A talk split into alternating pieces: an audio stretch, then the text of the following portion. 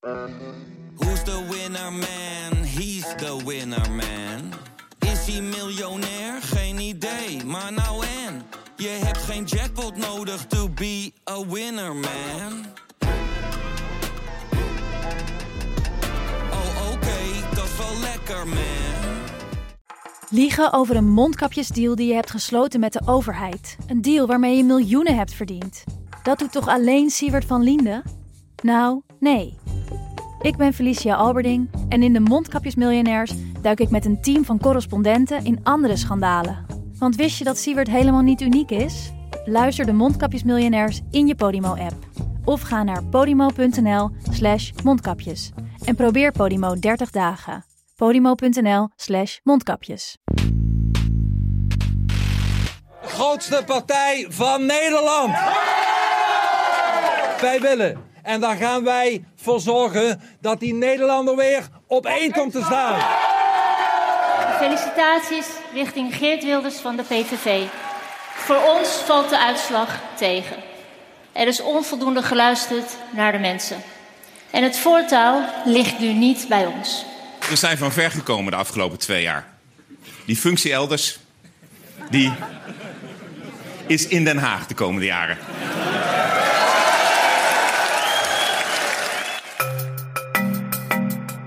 Dit is Betrouwbare Bronnen met Jaap Jansen.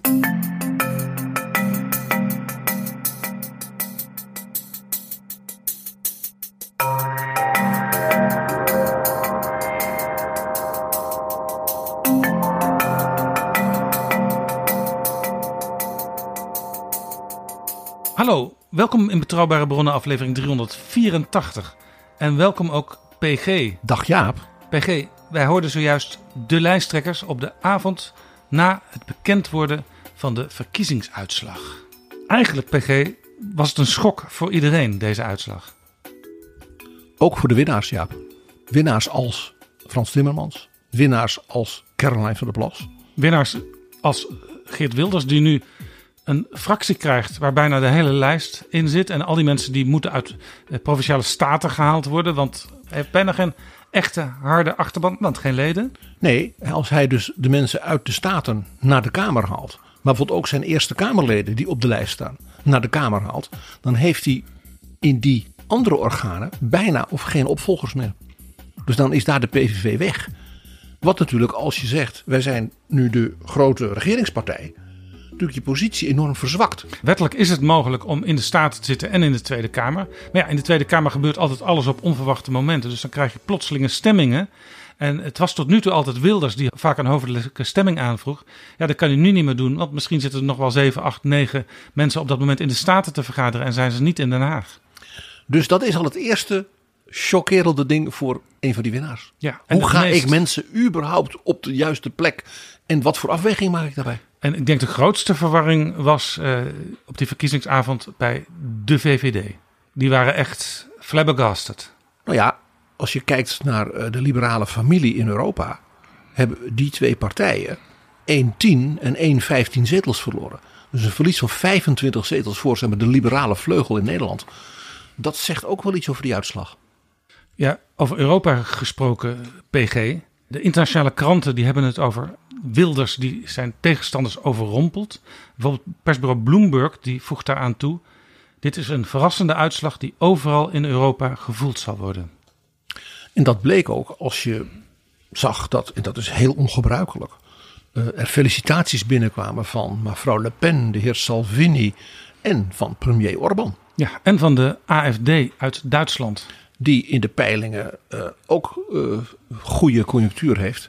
En ook toekijkt naar een kabinet dat een beetje als Rutte 4 op eh, ja, instorten staat. Ja, je zou wel eens voor het eerst een bijna noodzakelijkheid kunnen krijgen dat in Europa, waar natuurlijk komend jaar Europese verkiezingen zijn voor het Europees Parlement, ja, dat er toch ook meer van dat soort eh, mensen zeg maar, uit die hoek van het politieke spectrum eh, vertegenwoordigd zullen zijn straks in de Europese Commissie, om maar iets te noemen. We kunnen nog van alles meemaken, Jaap. En zullen we het daar maar eens over gaan hebben dan? Maar dan vooral met de nadruk op Nederland, op Den Haag. Wat gaat daar nu de komende dagen, weken, maanden gebeuren op basis van deze uitslag? Maar eerst PG, zijn er nog nieuwe vrienden van de show? Ja, het zijn er weer een heleboel. En dat is zeer verheugend. Daarom groot woord van dank aan Marga en aan jou, Fedor, en aan Rina, en aan Leo, en aan Mark en aan Charlotte. En er zijn ook nog donaties binnengekomen van Evert en Henk. Allemaal zeer veel dank. Wil jij ons ook helpen? Ga dan naar vriendvandeshow.nl slash bb.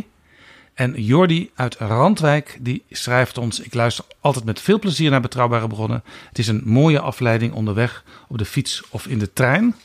En Peter uit Utrecht zegt: Ik kan meestal niet wachten tot de volgende editie komt. Tegen de achtergrond van de geweldige historische kennis van PG krijg ik veel beter inzicht in talloze gebeurtenissen, waarvan sommige voor tegenstellingen zorgen.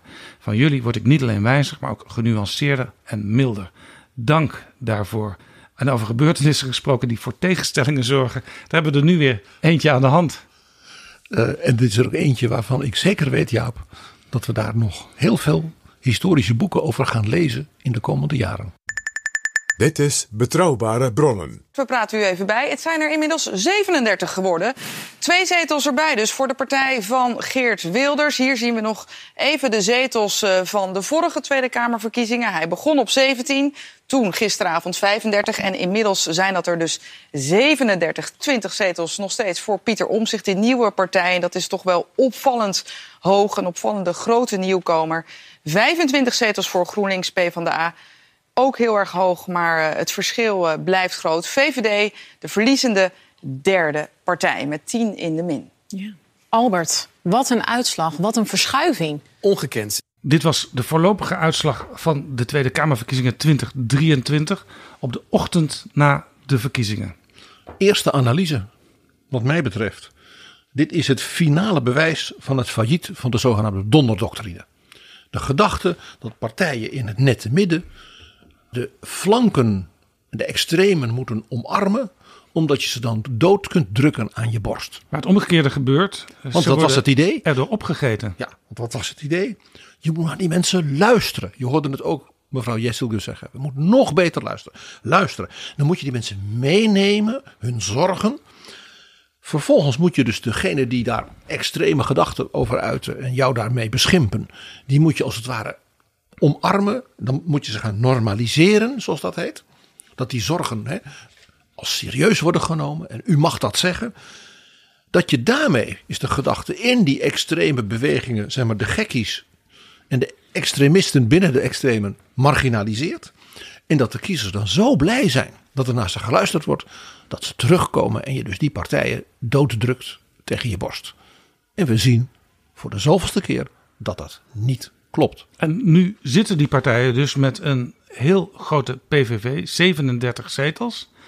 En uh, ja, Dion Graus, die natuurlijk een enorme politieke analist is, die zegt daarover het volgende. Ja, ik denk dat niemand meer eronder uitkomt. Het zou wel een hele erge schoffering zijn naar, het, naar ons Nederlandse volk als iemand dit zou negeren. En, en goede mensen hebben we natuurlijk. Hè. We hebben hele goede mensen die, die kunnen besturen. En we kunnen ook nog mensen extern aantrekken die kunnen besturen. Jaap, de grote politiek filosoof Graus uit Limburg zei nog iets. Want die had één ding opgepikt. Namelijk dat er hele grote groepen Nederlanders die vanwege hun diepe overtuigingen, hun geloof, hun herkomst, het gevoel hebben: ben ik nog wel in dit land welkom? Gelden voor mij de mensenrechten in Nederland nog wel? Nou, Dion had een antwoord. Ik ken niemand die zich daar zorgen over maakt. Dat we ook altijd zeggen, mensen die zich hier aanpassen en netjes zijn en netjes meedoen, eh, die hoeven, die hoeven voor ons niks te vrezen. Dus ik, ik begrijp die angst niet zo goed inderdaad. PG, ik zeg regelmatig, we hebben geen grote partijen meer in Nederland. Alleen nog maar middelgrote partijen. Maar 37 zetels is, ook in historisch perspectief, toch best wel een groot aantal. Ja, in de 30 was overigens nog niet heel lang geleden middelgroot.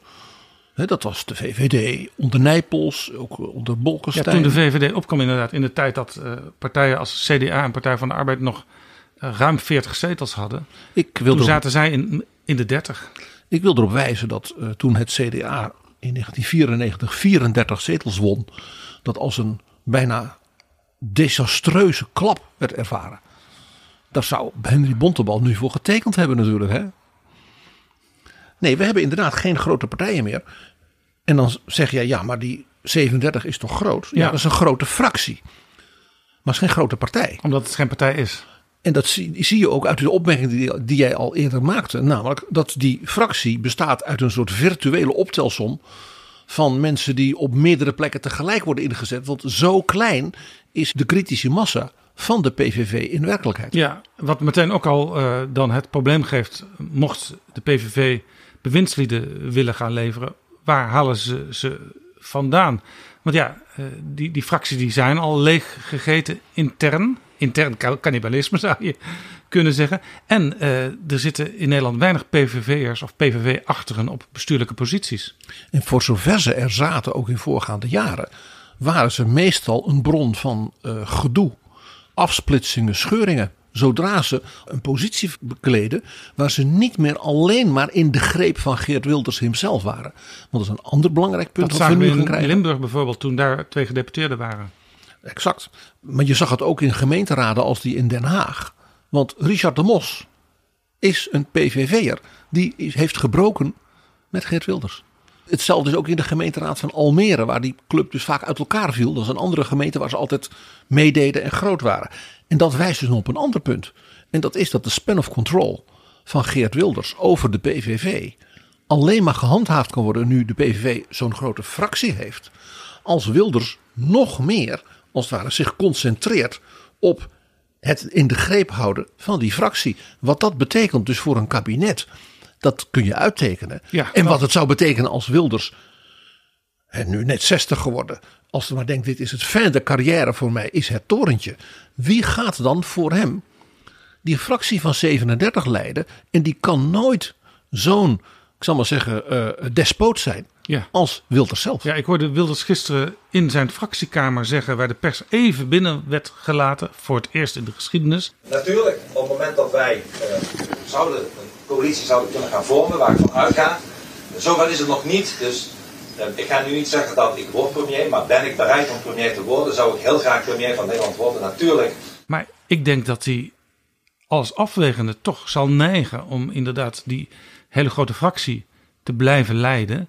En ook als leerling van Bolkestein, hè, hij was vroeger assistent van Frits Bolkestein, weet hij ook dat het een, een hele handige positie kan zijn als partijleider om vanuit zo'n fractie, vanuit de Tweede Kamer, die partij te leiden. En misschien ook op een bepaald moment, als het moet, de stekker eruit te trekken. En nog iets, Jaap. Ook een les van Bolkestein. Als belangrijk fractieleider in een coalitie heb je ook nog de ruimte om een keer een lezing te houden of ergens op te treden waar, buiten de Tweede Kamer. Uh, waarbij je dus, zoals Bolkestein deed, het migratievraagstuk agenderen. Zonder dat als het het kabinetsbeleid meteen hoeft te raken. En dat is voor Wilders aantrekkelijk. Om bijvoorbeeld zijn achterban toch ja, met stukken rood vlees, zoals dat heet, te bedienen. Anti-Europa, migratie, uh, tegen woke, noem maar op. Zonder dat dan het kabinet zich gedwongen voelt daarop te reageren. Precies, hij kan dan op zo'n sprekersavond een uh, paar dingen doen. Hij kan zeggen, dit is lastig voor ons, maar dit hebben we afgesproken. Mijn handtekening staat. En op dingen die niet in een regeerakkoord staat. En Wilders is bekend, die schrijft meestal niet hele lange stukken. Dus dat regeerakkoord hoeft dan ook niet zo, uh, zo dik te zijn. Dan kan hij zeggen, ja wij wachten af waar de minister van de VVD of van NSC of van BBB mee komt. En wij hebben daar ons onafhankelijke oordeel over. En dan gewoon provocatief uh, de achterban pleasen en denken: ach, die minister, nou ja, die moet maar zien hoe die, hoe die het overleeft. Want zo werkt dat. Dat is de Bolkestein-methode. En hij heeft dat natuurlijk geleerd van de grote meester hemzelf. Want hij is en blijft natuurlijk op een bepaalde manier een echte VVD'er. Ja, en als hij merkt dat, mocht hij bewindslieden uit zijn eigen kring toetreden, uh, dat zo'n bewindspersoon toch iets te ver afdrijft van de algemene PVV-lijn, dan zal hij ook niet aarzelen, denk ik, om daar in het openbaar een schrobering aan te verbinden. Nou ja, we weten van Wilders dat hij in 2012 de gedoogconstructie heeft opgezegd. Omwille van twee redenen. Namelijk, hij kon daarmee een anti-EU-verhaal houden. Uh, en hij kon daarmee de greep op zijn in verval rakende PVV juist door die samenwerking, dat is dus ook voor nu een waarschuwing voor hem, weer herstellen, die greep. Ja, toen was het natuurlijk een constructie waarin hij vanuit de Tweede Kamer tegen een aantal hoofdlijnen van het kabinetsbeleid ja had gezegd. Hij zei ook, die steun ik. Een aantal steun ik niet. Dan gaan we als vrienden uit elkaar. Maar bijvoorbeeld over de financiën moesten ze het wel eens zijn. Daar is het uiteindelijk na ongeveer anderhalf jaar ook op misgelopen. Toen liep hij, wat Rutte niet naliet, altijd weer te benadrukken, weg uit het katshuis. Uh, nu hij zo groot is geworden, vorige keer was het 24 zetels uh, in die gedoogconstructie, nu is het 37 zetels en ook bij far de grootste in de Tweede Kamer. Ja, kan hij zich bijna niet veroorloven om niet op de een of andere manier toch ook in de Treffenzaal mensen te leveren. En hij heeft nog iets gezien. En dat is wat mevrouw Jacilgus heeft gedaan met het kabinet Rutte 4.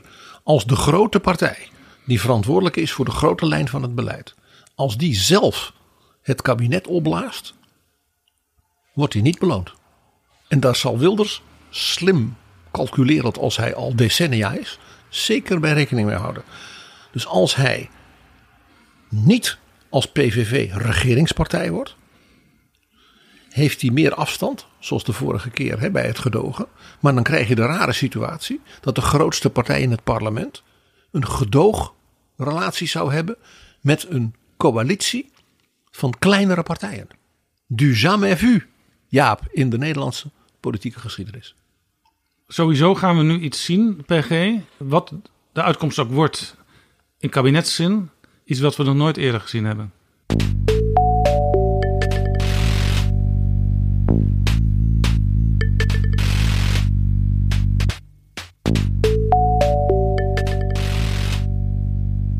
En toch, Jaap, de uitslag van deze Kamerverkiezingen heeft gedaan wat jij en ik op 1 augustus met elkaar zaten te verkennen en te, te bedenken van wat gebeurt hier nu. Het kabinet was net gevallen.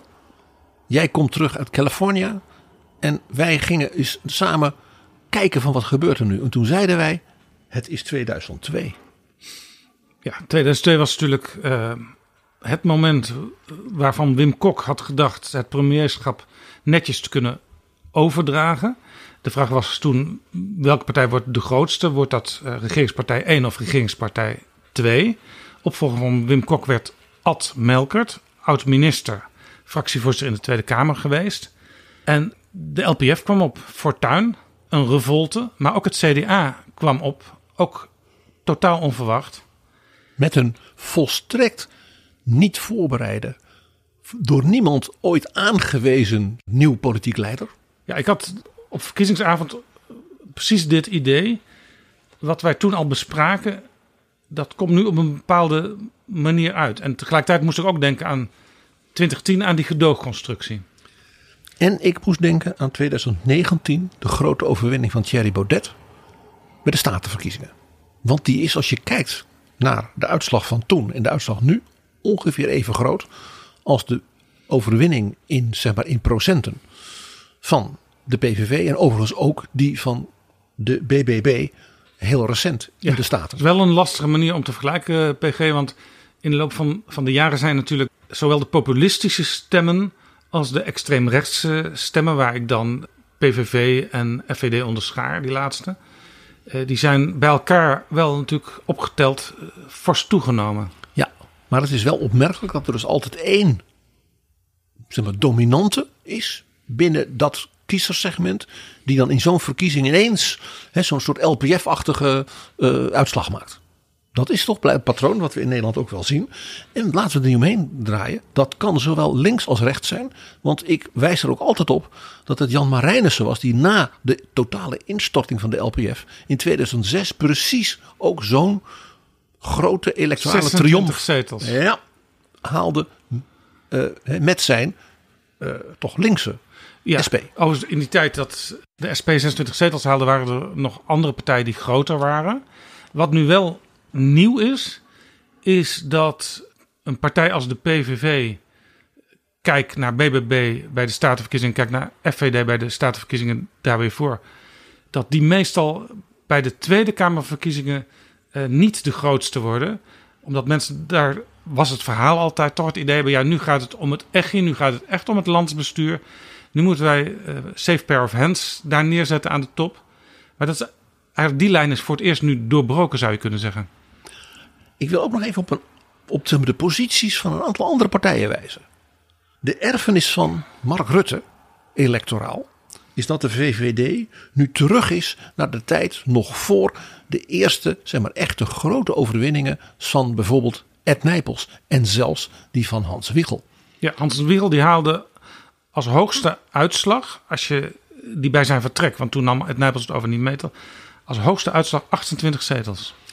Waardoor hij dus net genoeg had met de winst die hij toen boekte Om met, het Van Acht het tweede kabinet Den Uyl te verhinderen. Ja, 24 zetels zit er echt significant onder. Zit er beduidend onder. Nijpels ging daarna van die 28 dus nog 8 omhoog naar 36. Dat was al meer dan Mark Rutte had. De laatste keer. Ja, Jij weet, er 34. jij weet Jaap, ik heb dat twee jaar geleden eh, ook tegen jou gezegd en ook tegen anderen. En dan kreeg ik altijd tegengas. Dat ik zei, Mark Rutte heeft die verkiezingen helemaal niet gewonnen. Het was, heel, het was helemaal geen goede uitslag. Nou, nou, nou. Ik zeg achteraf, dat klopte dus wel degelijk. Ja, bij de VVD waren ze toch nog enigszins tevreden met die uitslag de vorige keer. Want ze zeiden ja, de nummer 2, D66, eh, die heeft 24 zetels. Dat is een knappe prestatie, zeiden ze toen. Maar er is toch altijd 10 zetels verschil met ons. En nu heeft de VVD precies datzelfde aantal, 24 zetels. Maar de VVD is dus de electorale hoogconjunctuur van de periode na de nette herenpartij die het was onder mensen als Geertsema en nog daarvoor oud en Ja, een elite, echte elitepartij die in het algemeen kiesrecht dus eigenlijk geen deuk meer in een pakje boter kon slaan, electoraal gezien. En men is terug op dat niveau. Dus de overwinningen van Wiegel, van Nijpels, van Bolkestein en van Rutte, het is allemaal weg. En het is, dat is ook in onze politieke geschiedenis een heel bijzonder fenomeen.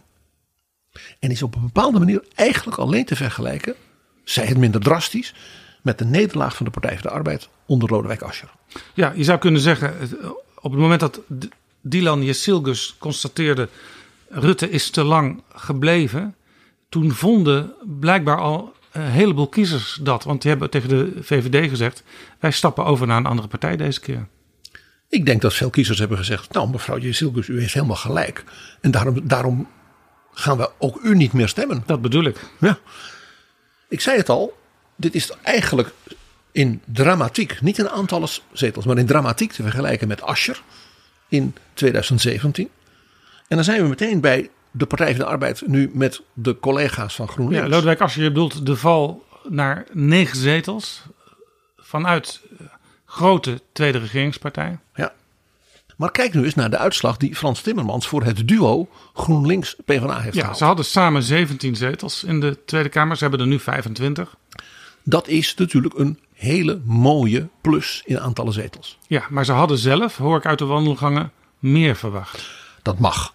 Dat geldt voor heel veel andere partijen ook. De enige voor wie dat misschien niet geldt is de PVV. Maar die 25 is ook weer in de historie van de Partij van de Arbeid. Want ik kijk nu even vooral naar de Partij van de Arbeid. Als klassieke eh, grote partij. Bepaalt niet een triomf. Kijk maar weer eens naar datzelfde 2002. Ja, want zoals mevrouw Jezilgus echt een Ad Melkert is. Hè, in de verhouding ook tot de opvolgingen van Wim Kok.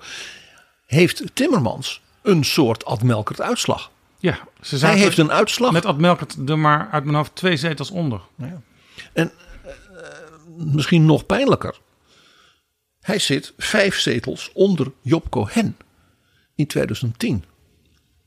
En nog pijnlijker misschien, nog zelfs wat extra zetels, of zeven, onder de grote, grote nederlaag van Wouter Bos in 2006.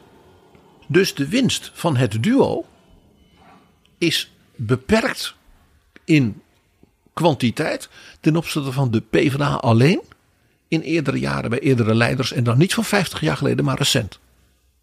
Dus dat geeft aan dat de prestatie van Frans Timmermans eh, respect verdient, maar geen gamechanger blijkt. Is het misschien toch enigszins vergelijkbaar, jij als CDA-kenner PG, toen het CDA werd gevormd, dus een fusie van drie partijen, toen kregen ze er ook niet meteen heel veel zetels bij, hè? maar het werd wel een soort stabiliteit voorlopig toen. Ja, bij het CDA gold dat er een federatieperiode van een jaar of vijf, zes aan vooraf ging. Waarbij die drie naar elkaar groeiden, om maar zo te zeggen. Ze waren in vrije val, met name de KVP in de jaren daarvoor. Ja, en dat werd toen als het ware langzaam afgeremd. En ging toen men echt duidelijk was van het wordt echt iets met z'n met z'n drietjes. Het is niet maar een experiment dat ook kan mislukken. Toen ging het aantrekken. Toen ging het duidelijk aantrekken. En ja, toen het zich eenmaal gevestigd had en ook bewees als zeer krachtige regeringspartij. Zeker natuurlijk ook met de persoon van Ruud Lubbers. Ja, toen ging het natuurlijk naar ongekende successen. Ja, dat, Die- kan, dat kan een troost zijn misschien voor Frans Timmermans en zijn mensen, hoewel er van regeren voorlopig niks lijkt te komen. Maar één ding kan eh, hij wel, zeg maar, van het voorbeeld Lubbers. En dat geldt trouwens ook van het voorbeeld Kok leren. Als een Partij van de Arbeid zich nadrukkelijk, constructief opent naar. En ook niet arrogant opent. Naar collega's in het midden die ook wel een veranderend hervormingsbeleid wil. Dan kan dat uiteindelijk op zo'n P van de A middengerichte premier electoraal enorm positief uitwerken. Maar vooralsnog is het beeld dat eh, de eerste gesprekken gevoerd gaan worden door PVV, VVD, NSC, misschien voor de Eerste Kamer BBB erbij. Nou, dat laten we afwachten, Jaap. Eh, Het eerste wat nog moet gebeuren. is dat de PVV anderen in de Kamer. er kan van overtuigen dat zij bijvoorbeeld een zeer gedegen. eh, niet controversiële en wijze verkenner kan vinden. Je had al even over. Geert Wilders is een ongelofelijke controlfreak. Ja, als het een aantal jaren geleden eh, zou hebben plaatsgevonden, deze landslide, dan had ik gedacht, eh, Wilders zou iemand als eh, Frits Bolkestein of Hans Wiegel kunnen vragen. Maar ja, die zijn wel heel ver uit beeld geraakt inmiddels. Als hij slim is, zou hij iemand uit de VVD moeten nemen. Maar ja, wie neem je dan? Rita Verdonk. Die is niet uit de VVD, eh, PG. Die is lid van de Haagse partij Richard de Mos. Richard de Mos. Ja, dus dat is een bruggetje tussen de VVD en ex-PVV en het volkse deel van Nederland. Dan moeten ze dus op hun knieën met pet in de hand belet vragen bij mevrouw Verdonk. Ja, dus de opvolger van Mark Rutte moet aan de ring kussen van Rita Verdonk. Het is de ultieme vernedering. En je weet maar nooit. Hè? Je weet, wraak is een gerecht dat je koud serveert. Ja, maar het wordt dus een enorm probleem voor Wilders, denk ik. Wie ga ik eh, voordragen vandaag als verkenner? En die vrouw of man zal hij dus niet alleen moeten contacten, maar die zal ook moeten willen. Want als dat iemand is met een, zeg maar een staat van dienst, eh, politiek en bestuurlijk, dan zeg je niet meteen, oh doe ik wel hoor meneer Wilders. Want je bent natuurlijk dan toch het instrument van Geert Wilders. Ja, en het moet dus ook bij een meerderheid van de mensen die aan tafel zitten bij de Kamervoorzitter vandaag, eh, moet het acceptabel zijn om die persoon inderdaad definitief te vragen. Vandaar de naam Rita Verdonk. Ja. Even nog naar de uitslag. Nog even een paar observaties nu we met wat afstand naar de cijfers kunnen kijken. Wij zien dat er in de vorige Kamer heel veel kleine partijen waren. Afsplitsers en anderen. En daar zie je toch een zekere, mag ik zeggen, dat is, is zich gaan uitschudden. Ja, er zijn er zelfs drie verdwenen. Hè? Ja, dat zegt al iets. Van Haga is verdwenen bij 1, 50 plus. Jaar 21 is van 3 naar 1 gegaan. Wat we zien is dat zich als het ware in die kleine groeperingen je nu wel kunt vaststellen dat daar een opvallend verschil in is in ik zal maar zeggen, van, van, van capaciteit. Je hebt toch, moet je vaststellen, eendagsvliegen. Daar hoort, blijkt nu ook toch ook Volt bij. Bij 1. Volt van 3 naar 2. BVNL. Ja 21 en 50 plus. En je hoort, ik noemde een aantal niet. Dat zijn partijen die je eerder als een soort, nou, noem het ideologische of soms bijna religieuze sectes kunt noemen. Die dus als het ware toch altijd nog net ja, een soort fundus hebben. Dat is natuurlijk de SGP. Dat is de SP. Die opnieuw verliest, maar toch ja, blijkbaar een soort harde kern heeft. En dat geldt ook voor Forum voor Democratie. Ja, al die partijen die je nu noemt hebben drie zetels. Ook de Partij voor de Dieren trouwens. En de SP heeft er vijf. Maar dat is ten opzichte natuurlijk van hun geschiedenis een dramatisch slecht. Lilian Marijnis is terug bij de beginjaren van haar vader. Ja. ja, zij heeft alle verkiezingen op rij die sinds haar aantreden hebben plaatsgevonden verloren. En dat zegt iets. Vandaar dat ik zei, ze lijken op de SGP en dus een beetje op Forum als een soort secte. En dat is de PVV niet. En daar zijn deze verkiezingen om nog een andere reden een interessant bewijsstuk van. En dat is waar de PVV heeft gewonnen. De PVV is de winnaar van de Finex. Het is niet meer, ik zal maar zeggen, Oost-Groningen, Limburg, West-Brabant en wat fortuinistische wijken Ja, rondom ja. Vroeger Rotterdam. was vaak het beeld dat zijn de oudere stadswijken die dringend aan renovatie toe zijn. De periferie van het land. Je noemt nu de Phoenix-wijken. Dat zijn meestal de forense dorpen en kleine steden rondom de grote steden. En ze zijn ook delen van de grote steden die gewoon in zo'n grote gemeente eh, ja, nieuwbouwwijken van, nou zet er maar de laatste twintig jaar. En daar woont dus, eh, ik zal maar zeggen, de gemiddelde middenklasse van Nederland. eh, die in deze verkiezingen eh, met ja, drie thema's is geconfronteerd. En elk van die drie heeft Wilders, denk ik, eh, naar zich toe weten te trekken. Door met name het onvermogen en het falen van anderen. En het eerste thema is natuurlijk het door de VVD zo belangrijk genoemde migratiethema.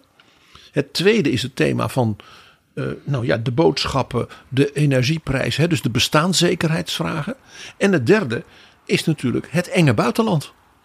We hebben toch wel de bijzondere situatie dat de beweging Hamas de campagneleider is geweest deze verkiezingen van wel twee partijen. Namelijk van Denk en van de PVV. Ja, hier komen we op een paradox. Dat het buitenland en ook Europa nauwelijks aan de orde is geweest in deze verkiezingscampagne. Maar dat het blijkbaar in de achterhoofden van de kiezers wel een rol heeft gespeeld. In negatief identitaire zin en ook in heel sterke. We voelen ons bedreigd en we gaan dus.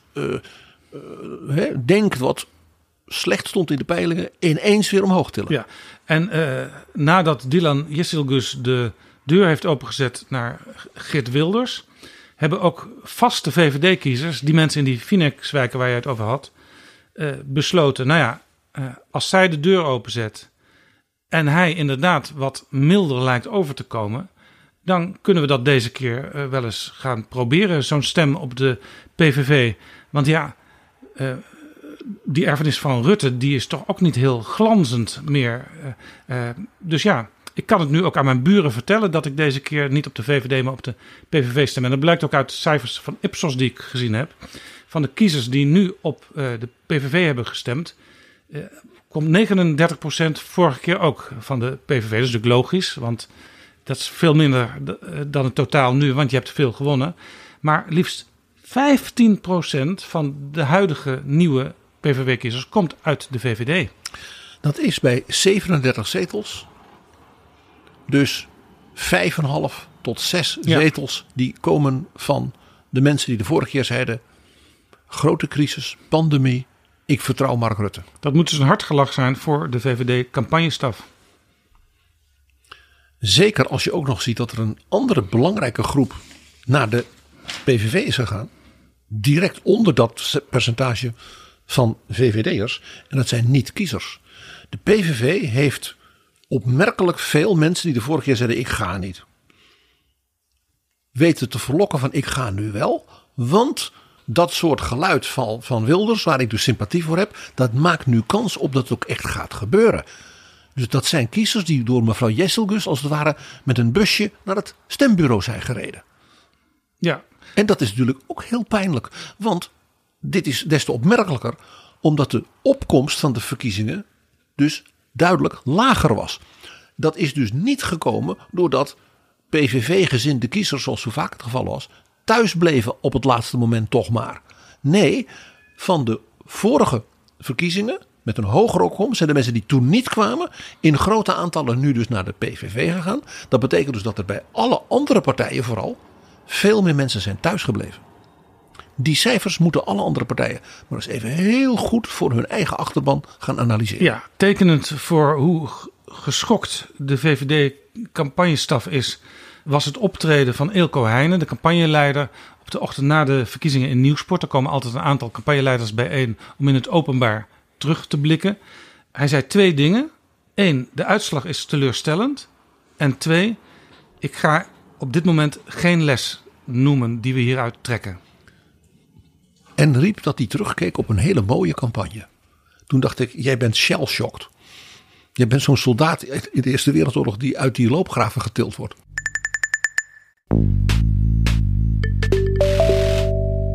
Dit is Betrouwbare Bronnen, een podcast met betrouwbare bronnen.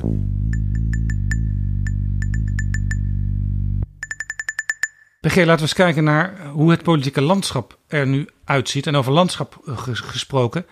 Ik zag enkele commentaren uit de boerenactiewereld nadat de uitslag bekend was. En daar bleek eigenlijk uit, we zijn opgelucht als boer zijnde.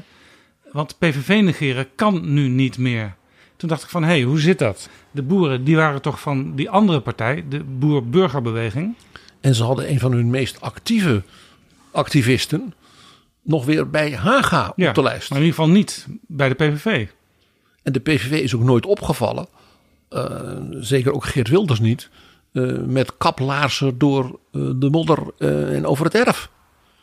Hetgeen dus aantoont, Jaap, dat dus die boerenactievoerders, of het nou dat FDF was of de achtergrond van BBB, in feite gewoon rechtssympathieën bij elkaar brachten onder de vlag, nou ja, de omgekeerde vlag van Nederland. Jaap, BBB heeft bij deze verkiezingen een cruciale rol gespeeld. En dan denk je, nou ja, Caroline van Plas gaat van 1 naar 7.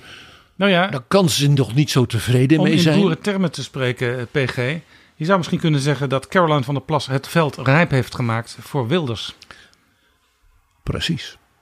Deze Kamerverkiezingen zijn een direct sequel en een consequentie van de Statenverkiezingen. Want wat is daar gebeurd?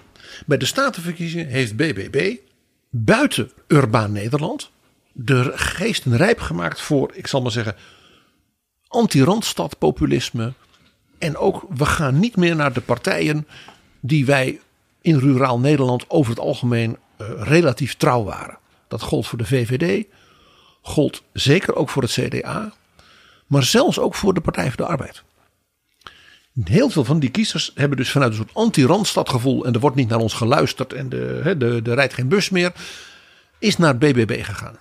BBB deed nog iets. Het had natuurlijk ook een hoog boerkoekoek en had je me maar gehalte in urbaan Nederland. Dat is bij deze verkiezingsuitslag helemaal weg.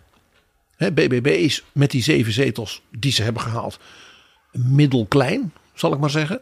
Maar is nergens meer zeg maar, die dominante tolk van het volk van het platteland meer. Nee, die ze in de Eerste Kamer natuurlijk wel zijn. Maar wat deed BBB? Het legitimeerde voor dus die rurale, zeg maar wat meer traditionele kiezers, de overstap naar een niet traditionele populistische partij. Die het volk naar de mond praat, om maar zo te zeggen. Dus die mensen hadden in maart voor het eerst van hun leven gezegd: Ik ga voor die Caroline. Toffe meid. Vervolgens dacht BBB. Sorry, ja. Vervolgens dacht BBB met de komst van Omtzigt en zijn partij, die toen in de maak was, hebben wij als het ware een soort loper kunnen uitleggen vanuit buiten de Randstad, want Omtzigt heeft ook dat anti-Randstad aspect, naar de macht. Vandaar dus dat mevrouw van der Plas, ook bijvoorbeeld bij de algemene beschouwingen, toen zei, nou ja, als Pieter een eigen partij gaat doen, dan vind ik dat geweldig en ik gun hem heel veel stemmen. En toen zei men, ja, dat gaat dan toch ten koste van u. Nou, dat zien we nog wel. Vind ik misschien ook helemaal niet eens zo erg, want samen gaan wij het doen. Wat toen ook ter plekke bleek uit het indienen van een aantal moties. De bekende gratis biermotie. Maar het bleek dus een denkfout van BBB. Een denkfout zowel over NSC als over de eigen achterban. In feite had zij op haar trekker een dode hoek. Want anders dan Van der Plas dacht, kwam NSC niet met een helder rechtsruraal antigeluid. Het bleef allemaal vaag. Wat ik ook zei in eh, eerdere analyse van het NSC grondslagdocument. Vage verhalen over personalisme en dat er naar mensen geluisterd werd. En goed bestuur en hele abstract theoretische verhalen. Je merkt ook aan Van der Plas dat ze daar niks mee kon. Ze werd op een bepaald moment zelfs negatief over omzicht. Want hij was eigenlijk ook, eh, vond dat de, de veestapel wel kleiner kon. Dus ze voelde zich, net als bij dat gratis bier, verraden door omzicht. Maar ze had die kiezers als het ware al lekker gemaakt voor NSC. Ja, voor haar gold eigenlijk wat ik ook wel uit kiezersonderzoek heb gezien. Dat mensen die sympathie voelden voor Omtzigt en zijn partij eh, wel zeiden... ja, ik begrijp eigenlijk niet altijd wat hij zegt. Maar ze had die kiezers dus bij de statenverkiezingen als al weggehaald bij de traditionele richting populisten.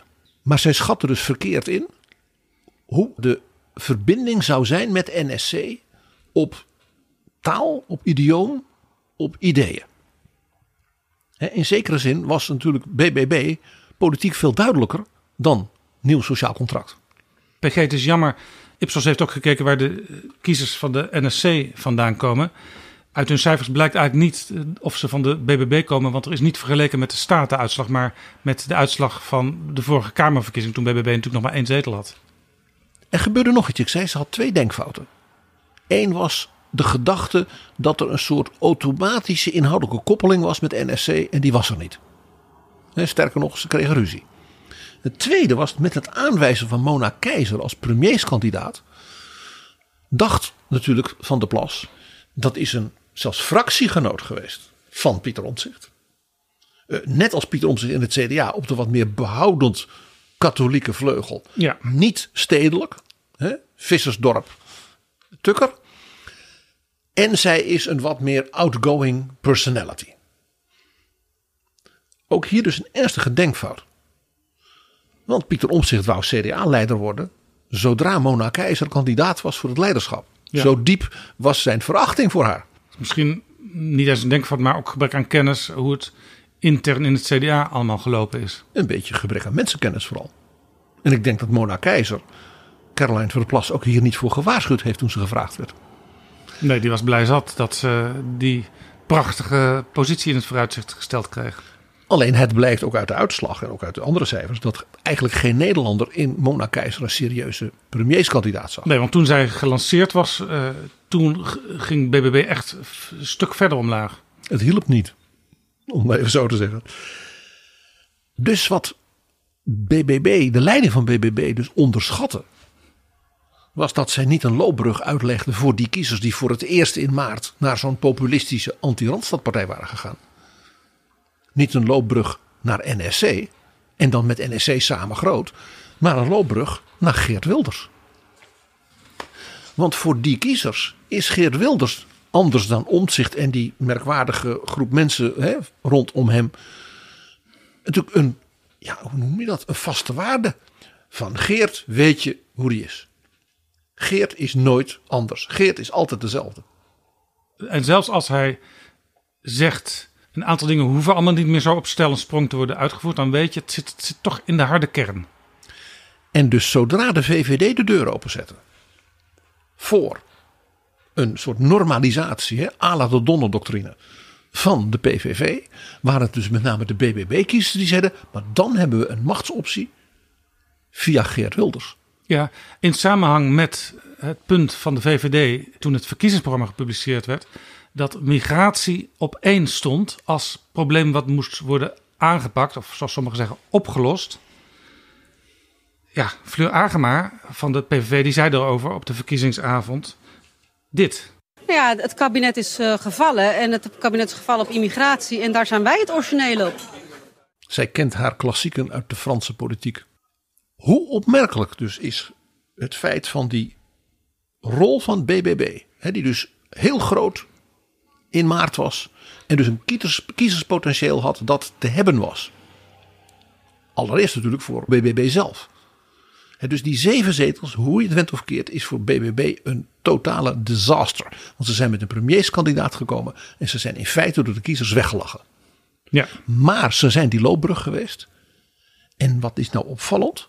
Wie zijn dus de winnaars hier bij deze verkiezingen?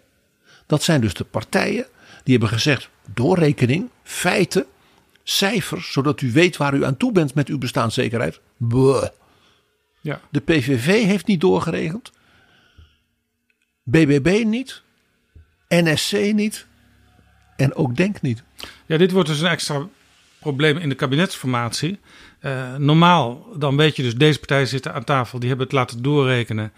oké, er moeten wat nieuwe berekeningen komen, want de omstandigheden zijn veranderd en de compromissen zijn ook anders dan in de programma's stonden.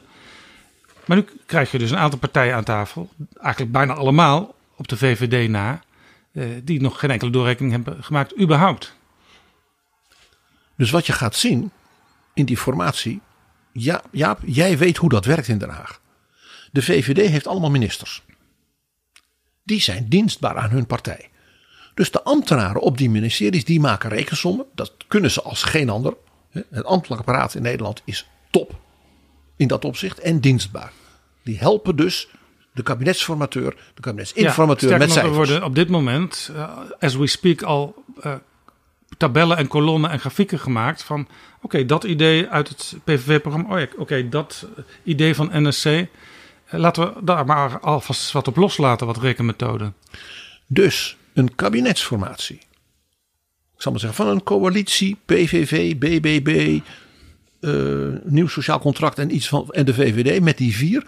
Dat regeerakkoord wordt geschreven door de ambtenaren, met name die van de VVD-ministers van het kabinet Rutte 4. Ja, waarbij de, overigens de vraag is dan, uh, in hoeverre accepteren die niet doorrekenpartijen dat?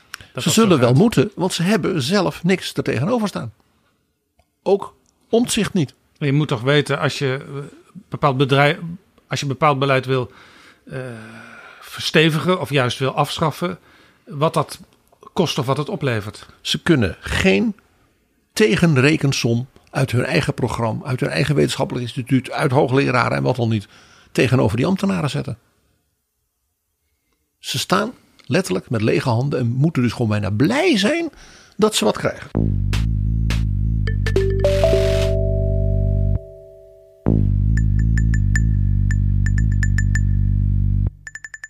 PG, veel gehoord op de uitslagenavond. Onder andere uit de mond van Wilders is... Ja, partijen zullen op basis van deze uitslag over hun eigen schaduw moeten willen heen springen. De PVV wil vanuit een prachtige positie met 35 zetels, waar je echt totaal niet meer te negeren bent, voor welke partij dan ook, samenwerken met andere partijen. En dat betekent dat iedere partij, ook de onze, over zijn schaduw heen zou moeten springen. Ik dacht, dan ben ik benieuwd wat Omtzigt, wat NSC daarop gaat zeggen.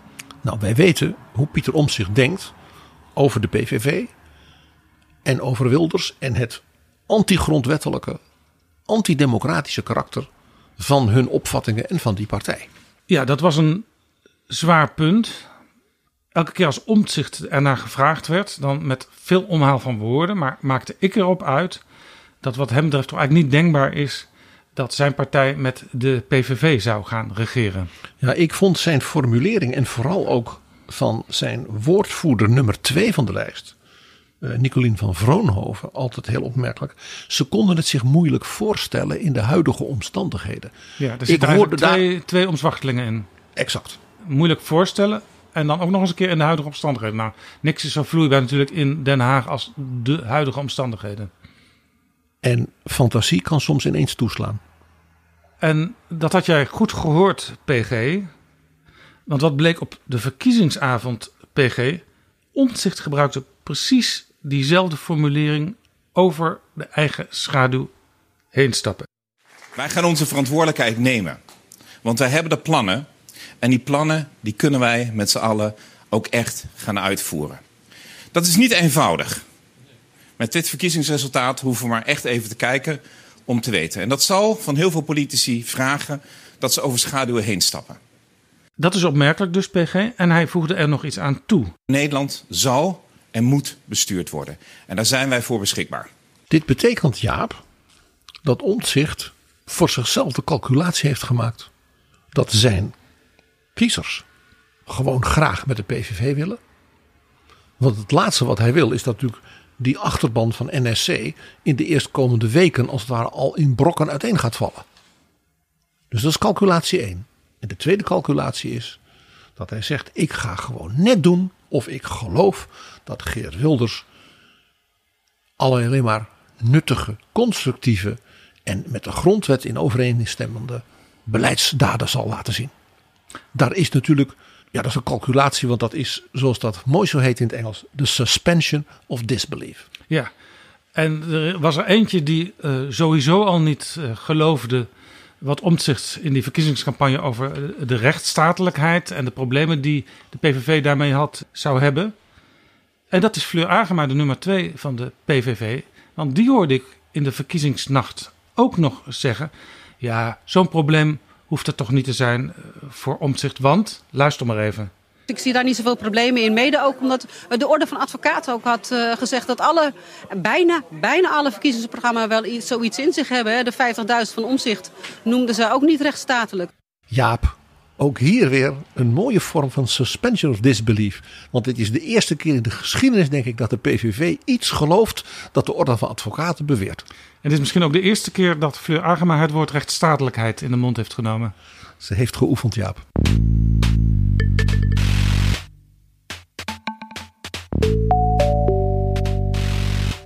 PG, laten we even luisteren naar de reactie van Mark Rutte op de verkiezingsuitslag. Dankjewel. Net te gek, Stuur. Anna, BBC. I'm not commenting on the results. That's for the new party leader. No comment. Thank you. Thank you. Mark Rutte, die ergens in een hoekje van die grote zaal waar de VVD bijeen was. Ja, hoe keek hij eigenlijk? Jij zag hem even. Tien jaar ouder. Jaap, je weet, ik ken Mark Rutte al heel lang en ik ken hem goed. Hij was tien jaar ouder. En met een verkramptheid. Het, het was schrikken. En ik begrijp het wel. Deze avond van de verkiezingsuitslag is een tragedie voor Mark Rutte. Hij zag natuurlijk alles wat hij in 13 jaar premierschap heeft opgebouwd ineenstorten. Abgeweeld, zoals de Duitsers dat noemen. En hij is zelf vertrokken. Bevestigde de analyse van zijn nieuwe partijleider dat hij te lang was geweest. En blijkbaar te waterige compromissen. Dus in feite had zij al gezegd: dit is een mislukte partijleider. Stoppen op het hoogtepunt was dus al niet meer mogelijk, want hij was te lang gebleven. En de kiezer heeft dus bevestigd dat de analyse van Dylan Jesselgus gelijk was. En dat ze daarom massaal de VVD verlieten. Twee, een kabinet. Ik zal maar zeggen onder leiding van de PVV, in welke vorm dan ook. Met daarbij BBB. En daarbij steun op een of andere vorm van NSC. En ik zeg vooral van Pieter Omtzigt. Zal meedogenloos wraak nemen op Mark Rutte. Want geen land in Europa zal Mark Rutte nu de Europese kandidaat maken van secretaris-generaal van het bondgenootschap. Dus functie elders bij de NAVO of functie elders bij de Europese Unie, dat kan hij nu wel op zijn buik schrijven. Zo is dat. Want als de Nederlandse regering hem niet voordraagt, of voordraagt met een zo zwakke, ongeloofwaardige, uh, hè, dan ben je weg. Onthoud hoe het eerste Paarse kabinet met Van Mierlo Ruud Lubbers heeft voorgedragen voor de NAVO. De ministers van Bill Clinton, daarvan weten wij, hebben dus na gesprekken met Van Mierlo en Lubbers gezegd van... Ik heb geen woord begrepen van wat die mannen tegen ons zeiden. Er staat geen helder, krachtig zeg maar, defensievisie in. Er waren vage geopolitieke beschouwingen hè, over het Earth Charter. En Van Mierlo begrepen ze al sowieso niet. En daarmee was Lubbers weg. En dus zelfs als ze hem voordragen. Ja. En hem dan dus zo verdedigen dat Joe Biden zegt: Nou, die Rutte laat maar. Ik neem wel een van die pittige jonge vrouwen uit de Baltische landen. Dan wordt hij nog een keer extra vernederd. Nee, en een coalitie waarin Wilders zitten en Omtzigt, die zullen hem niet voordragen. En waar het bezwaar was tegen een kandidaat uit de Baltische landen. Uh, ja, dat ligt toch niet erg voor de hand. Daarom kijken we meer naar Rutte. Want uh, zij zijn wel erg campagne aan het voeren de hele dag tegen Poetin, die nog steeds in het Kremlin zit. Ja, het omgekeerde, dat willen landen natuurlijk ook niet. Dat er een kandidaat wordt voorgedragen vanuit een partij die zelfs ruggensteun vanuit het Kremlin krijgt. Ja, de PVV. En, en die openlijk in het programma zegt: geen steun meer voor Oekraïne. Zowel via ja. wapens en, en, al helemaal die geld uit Europa. Om nog maar niet te spreken over de eis van Wilders dat Turkije uit de NAVO moet. Oeh, goed, daar heb ik nog niet eens bij stilgestaan, Jaap. Nou ja, vooruit. Kortom, ik vind een van de meest tragische losers van deze verkiezingen Mark Rutte. Ik heb er overigens nog geen Jaap. Een heel ander iemand. Ook een zeer ervaren politicus. Harm Beertema. Ja, die was uit de PVV-lijst gestapt. Althans, eh, vlak voordat Wilders hem definitief indiende. Hij stond op, wat stond hij? 17? 16. 16 zelfs. Net als de vorige keer. Dan had hij dus nu bij de bovenste helft gezeten, PG. Dan was hij nu de nestor van de onderwijswoordvoerders in de Kamer. Van de grootste partij. Met grote ervaring. Dan eh, had hij de functies voor het uitzoeken. Staatssecretaris voor het MBO. Wat zijn hart heeft. En wat deed hij? Hij ging BBB stemmen en hij ging er actief worden. Want hij vond het zo fijn nou eens ook in een partij te kunnen werken waar je leden kunt ontmoeten. Nog een tragisch iemand. Van dezelfde partij nu als Beertema. Dat is Mona Keizer. Daar zit ze nu. Caroline van der Plas gaat dit natuurlijk verkopen, die zeven zetels, als een triomf. Ze moet wel. Ze gaat zeggen van 1 naar 7 en dan ook nog die prachtige Eerste Kamer van ons. Maar wat moet de Mona Keizer? Ze kan niet een soort koep plegen nu als eh, beoogd premier tegen Caroline. Nee. Zo ondankbaar. Ja, En dan- kan, maar Dan is er nog een tragische figuur in die fractie. Dat is Nicky Pauverwij, die er niet meer in zit. Die staat namelijk op nummer 9 van de lijst. alle overlopers uit jaar 21, die dachten via BBB hebben wij een soort tweede jeugd, die liggen eruit. Cannibalisme, separatisme, sociaal darwinisme, Jaap. En er zijn natuurlijk ook nog een paar tragische figuren, PG, in de VVD. Ik noem er twee. Erik van der Burg, die in de Tweede Kamer, als het ging om asiel en migratie, ja, toch vaak wat schouderophalend kon doen als de PVV eh, allerlei dingen riep. En als bewindsman enorm zijn best heeft gedaan. Ja, om de greep op te krijgen. Daarin dus in feite is afgeserveerd door mevrouw Jesselgus in de Kamer. Vervolgens eh, met zijn spreidingswet dan ook nog ging sneuvelen dankzij de rechtse fracties. Want die zijn natuurlijk heel erg voor eh, dat die asielzoekers, eh, ja, maar niet natuurlijk bij ons in de buurt. Nee, Erik van der Burg, de nummer 4 op de VVD-lijst. Andere tragische figuur in de VVD is de nummer 5, Christiane van der Wal. Waarvan het hele natuur- en stikstofbeleid, ja, dat wordt gewoon bij het oud vuil gezet door die nieuwe beoogde coalitiepartners. Ook door NSC. Dus ik denk dat in het kader van deze tragiek meteen kan worden vastgesteld dat in die nieuwe coalitie, als die er zou komen in enige vorm, er twee fracties zijn waarvoor, ik zal maar zeggen, de leidinggevende grootste fractie, de PVV, moet vrezen. Als labiele, onzekere factoren. Dat is allereerst de VVD. Daar gaat toch niemand roepen, nou ja, het viel een beetje tegen, maar kom op jongens. Daar is natuurlijk, er zijn de rapen gaar Ja, intern. ik ga ervan uit dat er toch nog wel wat liberalen in die fractie zullen zitten. Je weet maar nooit, Jaap. Maar ook NSC. Want die mensen kennen elkaar niet. De- Niet één van die mensen op een enkele losse CDA na, en één VVD'er heeft ooit iets gedaan wat lijkt op zeg maar parlementaire politiek. Nee. En overigens er is ook nog een hele, hele tragische figuur binnen NSC. Dat is natuurlijk de nummer 21.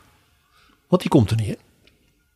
Dat is de Amsterdammer Diederik Boomsma, die uit het CDA afkomstig is. Dat was de enige raadslid van het CDA in Amsterdam. Uitgeroepen tot beste raadslid van Nederland.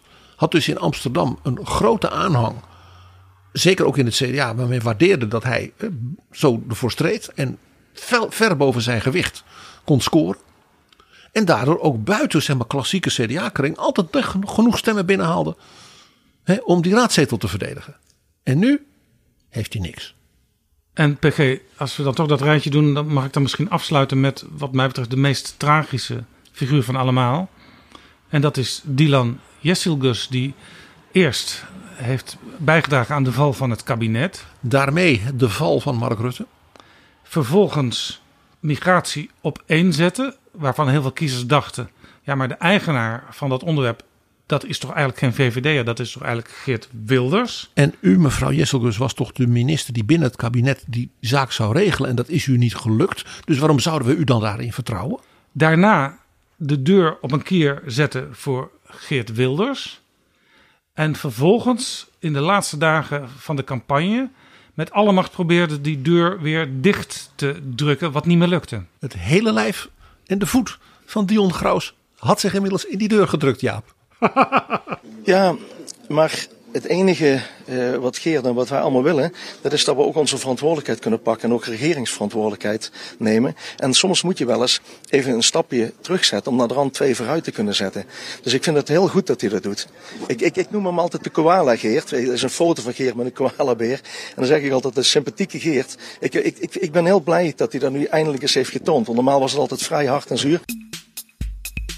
Hoi, ik ben Alexander Klupping. Ik weet dat jij, net als ik, met heel veel plezier luistert naar betrouwbare bronnen. Maar je zou Jaap en PG echt helpen als je nu vriend van de show wordt.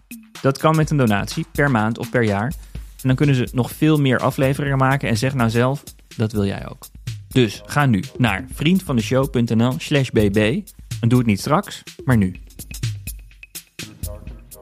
PG, de VVD zit klem. Wij hebben net tien zetels verloren. De lead is niet bij mij. De verantwoordelijkheid op dit moment ligt niet bij mij. Dat ligt bij eh, Wilders en bij Omtzigt. Klem, in welke combinatie ook. Zelfs als de Partij van de Arbeid en GroenLinks erbij betrokken zijn.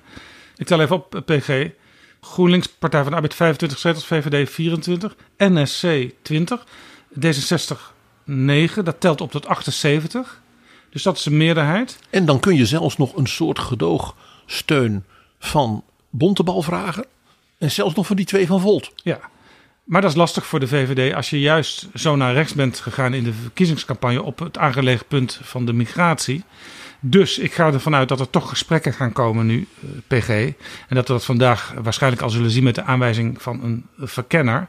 Die dan moet worden voorgedragen door Wilders en steun van die anderen moet krijgen. Maar dat we toch gesprekken krijgen van PVV eh, 37 zetels, VVD 24 zetels, NSC 20. En ik denk vanwege de Eerste Kamer ook BBB 7 zetels erbij. Dus het cruciale gesprek, Jaap, is dat van Geert Wilders en Pieter Omtzigt. Ja.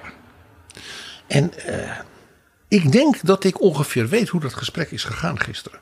Zal ik eh, de notulen van dat gesprek maar eens voorlezen?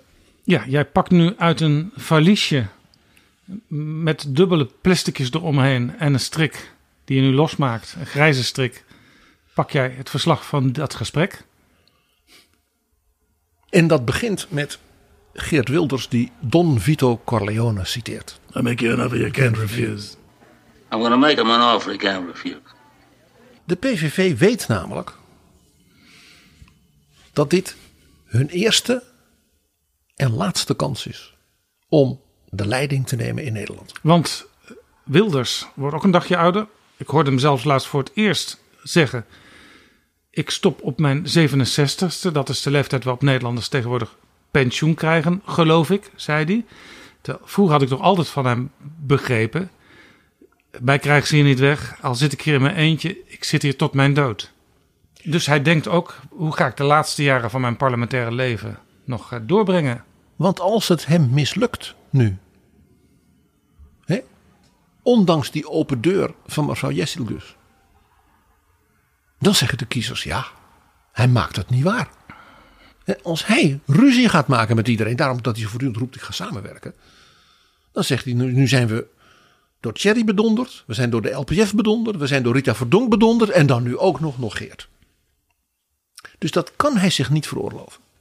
Dus hij gaat omzicht, nieuw sociaal contract, een aanbod doen dat ze niet kunnen afwijzen. Want als ze dat wel zouden doen, met als argument, ja maar PVV is een partij die de grondwet schendt en al die andere dingen. Dan zegt Wilders, oh, ik dacht dat jij een ander bewind wilde. Ik Ja, dacht dat jij... En dan kan hij zelfs gewoon de zaak laten klappen en naar de kiezers teruggaan. En dan NSC dus opblazen. Een aanbod dat om het zich niet kan weigeren. PG, dat ziet er zo uit. Vertel eens uit die virtuele notulen. Ten eerste, Omtzigt is een man van bestuurlijke dingen en bestuurlijke concepten. Ja, het moet allemaal anders. In ieder geval niet zoals het onder Rutte was. Geert Wilders biedt hem aan de oprichting van een constitutioneel hof. Eh, Dat is bovendien al in voorbereiding door minister Hanke Bruinslot. Dus de commissie die daaraan gaat werken, die kan dan de komende twee jaar aan het werk. Dat wordt dan verkocht als het komt er. Hij krijgt, wat de PVV heel graag wil, een referendum. Want dat wil Omtzigt ook. En dan komt er een referendum, zoals Geert Wilders dat wil, over Nexit. Dat kan Omtzigt dat niet meer tegenhouden. Dus à la David Cameron, Brexit, ook in Nederland zo'n soort referendum. Ja, NSC gaat Nederland een Brexit, Nexit referendum leveren. Het biedt hem natuurlijk aan een regionaal kiesstelsel. Als je kijkt naar de uitslag van de, afgelopen Ja, Kamerverkiezingen. Wilders is in alle regio's groot geworden en in heel veel regio's de grootste. En alleen in de urbane delen van Nederland niet.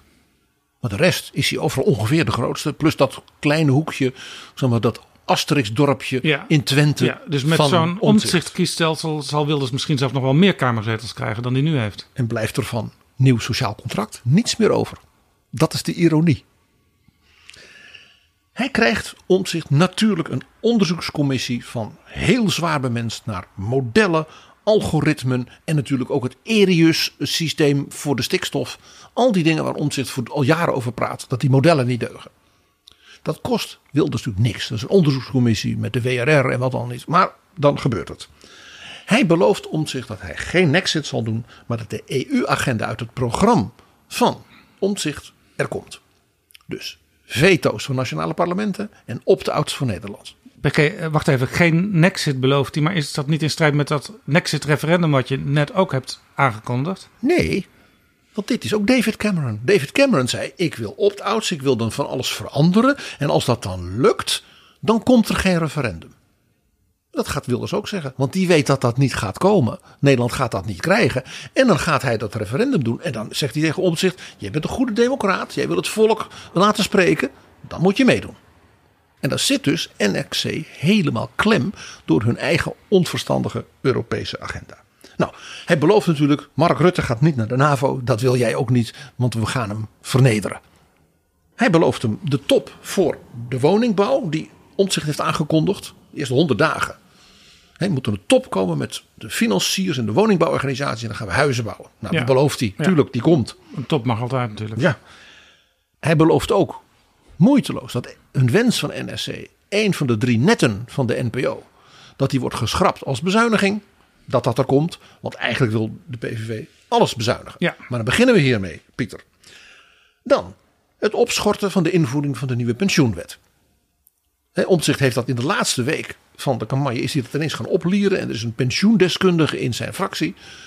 Nou, dus wilden ze zeggen, die mevrouw weet er alles van. Experts, jij wil experts. Nou, dat de polder dan natuurlijk in paniek raakt, vindt Wilders helemaal niet erg. Ja, want, Want is- VNO, NCW, FNV, CNV, die schrikken zich natuurlijk een hoedje. En dan zegt Wilders, moet u bij de heer Omtzigt zijn. Ja, hij, hij geeft hem dus een vergiftigd geschenk hiermee. Natuurlijk zegt hij, we stoppen met al die internationale studenten en die onderzoekers. Op een enkeling na, misschien bij een TU in Twente. Hè? Maar verder, dat willen we alle twee. En oké, ik wil een asielstop, een immigratiestop. Ja, we moeten, hè, ik moet compromissen sluiten. Ik accepteer die 50.000 van NSC. Voor deze kabinetsperiode. Daarna zien we wel weer. Dan biedt hij natuurlijk aan dat dit wordt opgeschreven in een regeerakkoord van nou, vijf tot tien bladzijden. Want Omtzigt wil een akkoord op hoofdlijnen, zodat je de ministers meer kunt controleren uit de Kamer. Ja. Wilders zal tegen Omtzigt zeggen, mijn verkiezingsprogramma is nooit meer geweest dan 5 A4 of zo. Dus daar kan ik prima mee werken. En eh, PG, dit is allemaal inhoud, inhoud, inhoud, inhoud. Wat helemaal NSC is. Kun je ook nog iets vertellen over hoe, de bewindsliedenposten verdeeld worden? Nou ja, kijk, Wilders zal naast al die prachtige inhoud natuurlijk ook een paar vette worsten voor de neus van NSC moeten hangen in andere zin. Nou, die zal zeggen, ja, wij willen, net als jullie, veel vakmensen in de ministerraad. Dus ik zat te denken aan op buitenlandse zaken Casper Veldkamp. Nummer vier van jouw lijst, Pieter. Oud-ambassadeur in Griekenland, in Israël. Dus die weet ook alles van het Midden-Oosten. Zit helemaal goed. Ik bied jou aan op justitie natuurlijk die mevrouw, die rechter. Die bij jou op drie. Ja. Die we in de hele verkiezingscampagne niet één keer hebben gehoord. Dus we weten niets van die mevrouw. Wilders ook niet, maar die doet hij gewoon. En natuurlijk op financiën komt natuurlijk het zeer ervaren oud-gedeputeerde en oud-Kamerlid van het CDA, Eddy van Heijem. Waarvan Omtzigt al heeft gezegd dat die met hem de financiële onderhandelingen zou doen. Ja, en dat betekent dan ook meteen, als dat door Omtzigt geaccepteerd zou worden, dat Omtzigt zelf in de Tweede Kamer blijft. Want Van Heijem was ook zijn schaduw fractieleider. Dus Omtzigt krijgt in dat opzicht ook wat hij ten diepste wil.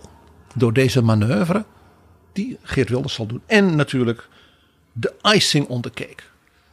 Na de vernedering van Mark Rutte wordt er nog iemand vernederd. Wopke Hoekstra. Die zit natuurlijk sinds heel kort in Brussel. En die zal als mededeling krijgen dat zijn aanstelling niet wordt verlengd. En dat daar iemand komt vanuit NSC. Wraak is een gerecht dat je koud serveert, zo leren wij van de mensen op Sicilië. Van Don Vito Corleone dus. I'm going to make him an offer he can't refuse. PG, het zou zomaar eens kunnen zijn dat je er niet heel ver naast zit met dit virtuele gesprek tussen Wilders en Omtzigt. Ik begin nu toch ook wel heel erg nieuwsgierig te worden eh, naar datzelfde gesprek wat Wilders met Jesselgus zal voeren. Maar dat bewaren we voor een andere keer. Dankjewel, PG.